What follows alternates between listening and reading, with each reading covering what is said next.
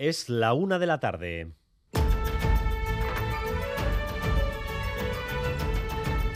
Crónica de Euskadi con Dani Álvarez.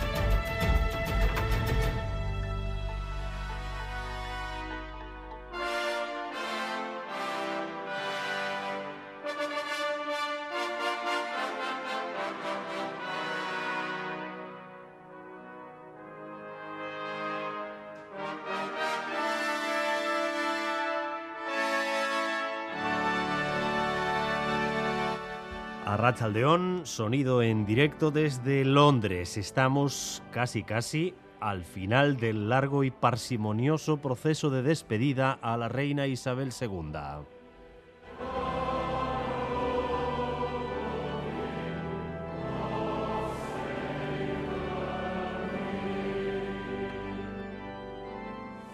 El God Save the Queen, que está poniendo el punto final a este funeral en la abadía de Westminster para despedir a la reina que más tiempo ha reinado en Gran Bretaña.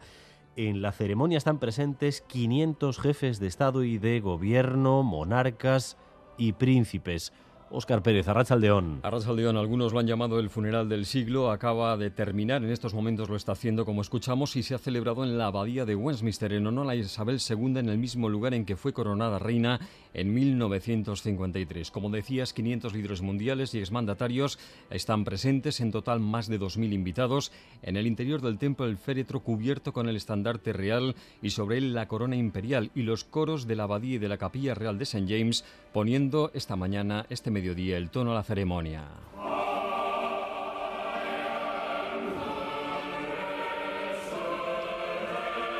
El nuevo rey Carlos III, sus hermanos, hijos y demás familia han asistido a la ceremonia vestidos de militar, salvo los príncipes Andrés y Harry. Durante esta ceremonia, la primera ministra Liz Truss ha leído también un texto religioso. Jesus saith unto him, I am the way, the truth, and the life. Ha sido una lectura sin contenido político, pero no es casualidad que la propia ministra, representante del Poder Ejecutivo en Inglaterra, participe también en la ceremonia. En unos minutos, a la N y cuarto del mediodía, ese féretro saldrá en cortejo fúnebre desde la abadía al arco de Wellington, donde se espera que llegue a las 2 de la tarde. Desde allí, el féretro realizará su último viaje en coche fúnebre y hasta el castillo de Windsor. Esta tarde se realizará allí otra ceremonia religiosa con 800 invitados. A las ocho y media está previsto que sea enterrada Isabel II junto a su marido, el príncipe Felipe de Edimburgo.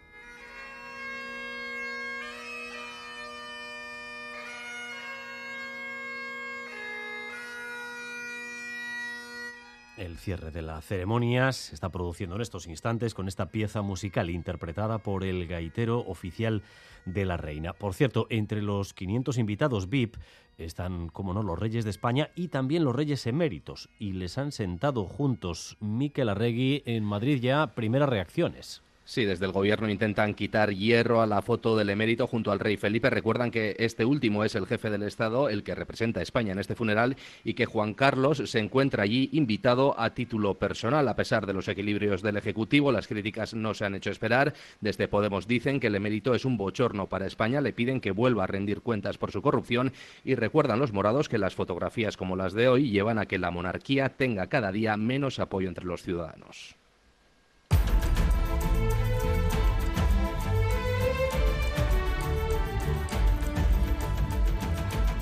Y por lo demás, en nuestro país, esta es la semana del Pleno de Política General. Un pleno el próximo jueves, ante el que ya les adelanto que tendrán una cobertura especial con los principales informativos Boulevard Crónica de Euskadi y Gambara desde el propio Parlamento, para seguir en directo lo que dé de sí una jornada que a priori parece destinada a invocar grandes pactos.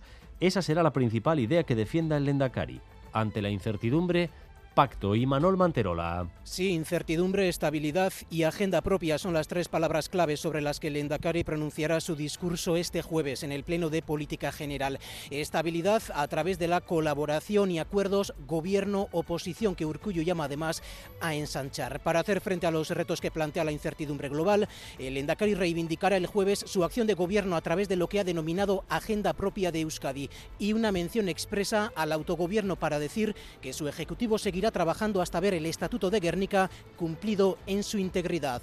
El Endacario ofrece y solicita grandes acuerdos y entre la oposición la idea es similar. EH Bildu les llama pactos de país, Podemos IU habla de mano tendida. Cuando nosotros hablamos de pactos de Estado, nos referimos a que esto no lo podemos hacer solo eh, dentro de este Parlamento o solo entre partidos políticos. Desde luego, nuestra manera de hacer política es siempre de mano tendida, porque al final eh, el reto es eh, ¿no? dar o satisfacer o, poner encima de la mesa propuestas que, respondan a las necesidades de la ciudadanía y eso necesita de miradas diversas y de acuerdos y, y de pactos. Podemos Euskadi siempre va a estar en esa de ruta.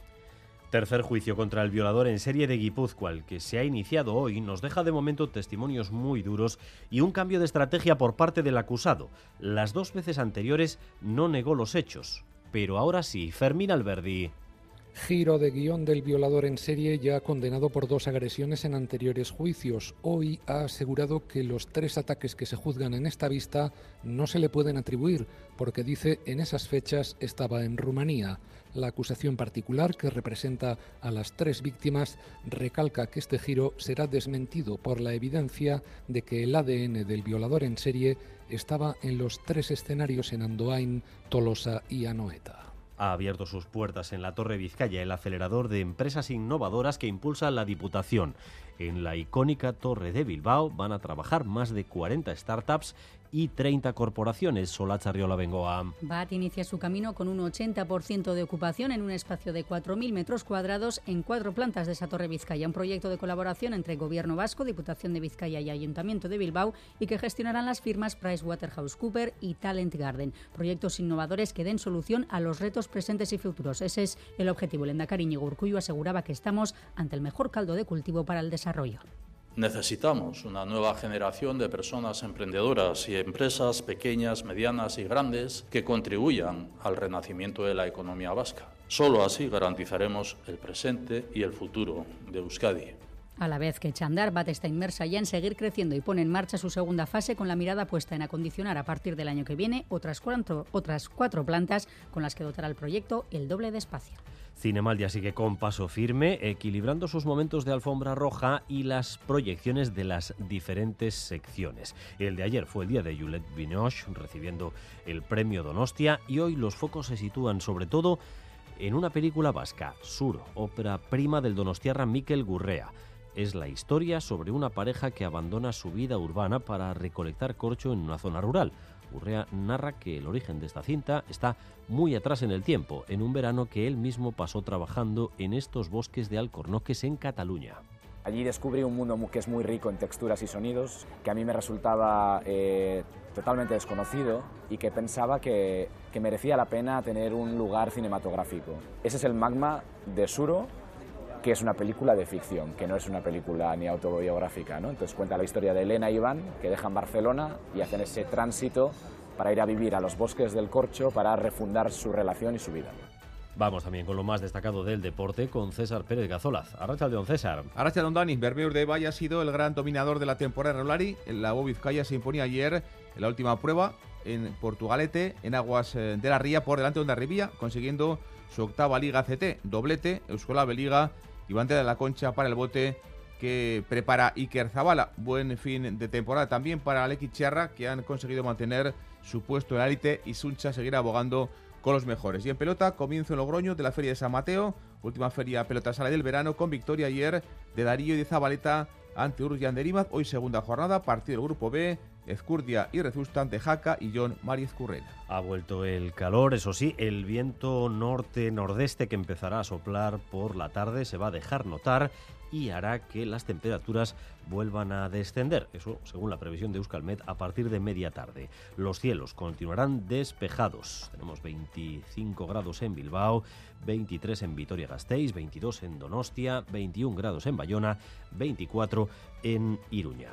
En cuanto al tráfico, hay problemas ahora mismo en el paso de Viriatu hacia Lapurdi. Hay 6 kilómetros de retenciones ahora mismo. Gracias un día más por elegir Radio Euskadi y Radio Vitoria para informarse. Raúl González y José Ignacio Revuelta están en la dirección técnica, Aichiber Bilbao e Irache Ruiz en la coordinación. Crónica de Euskadi con Dani Álvarez.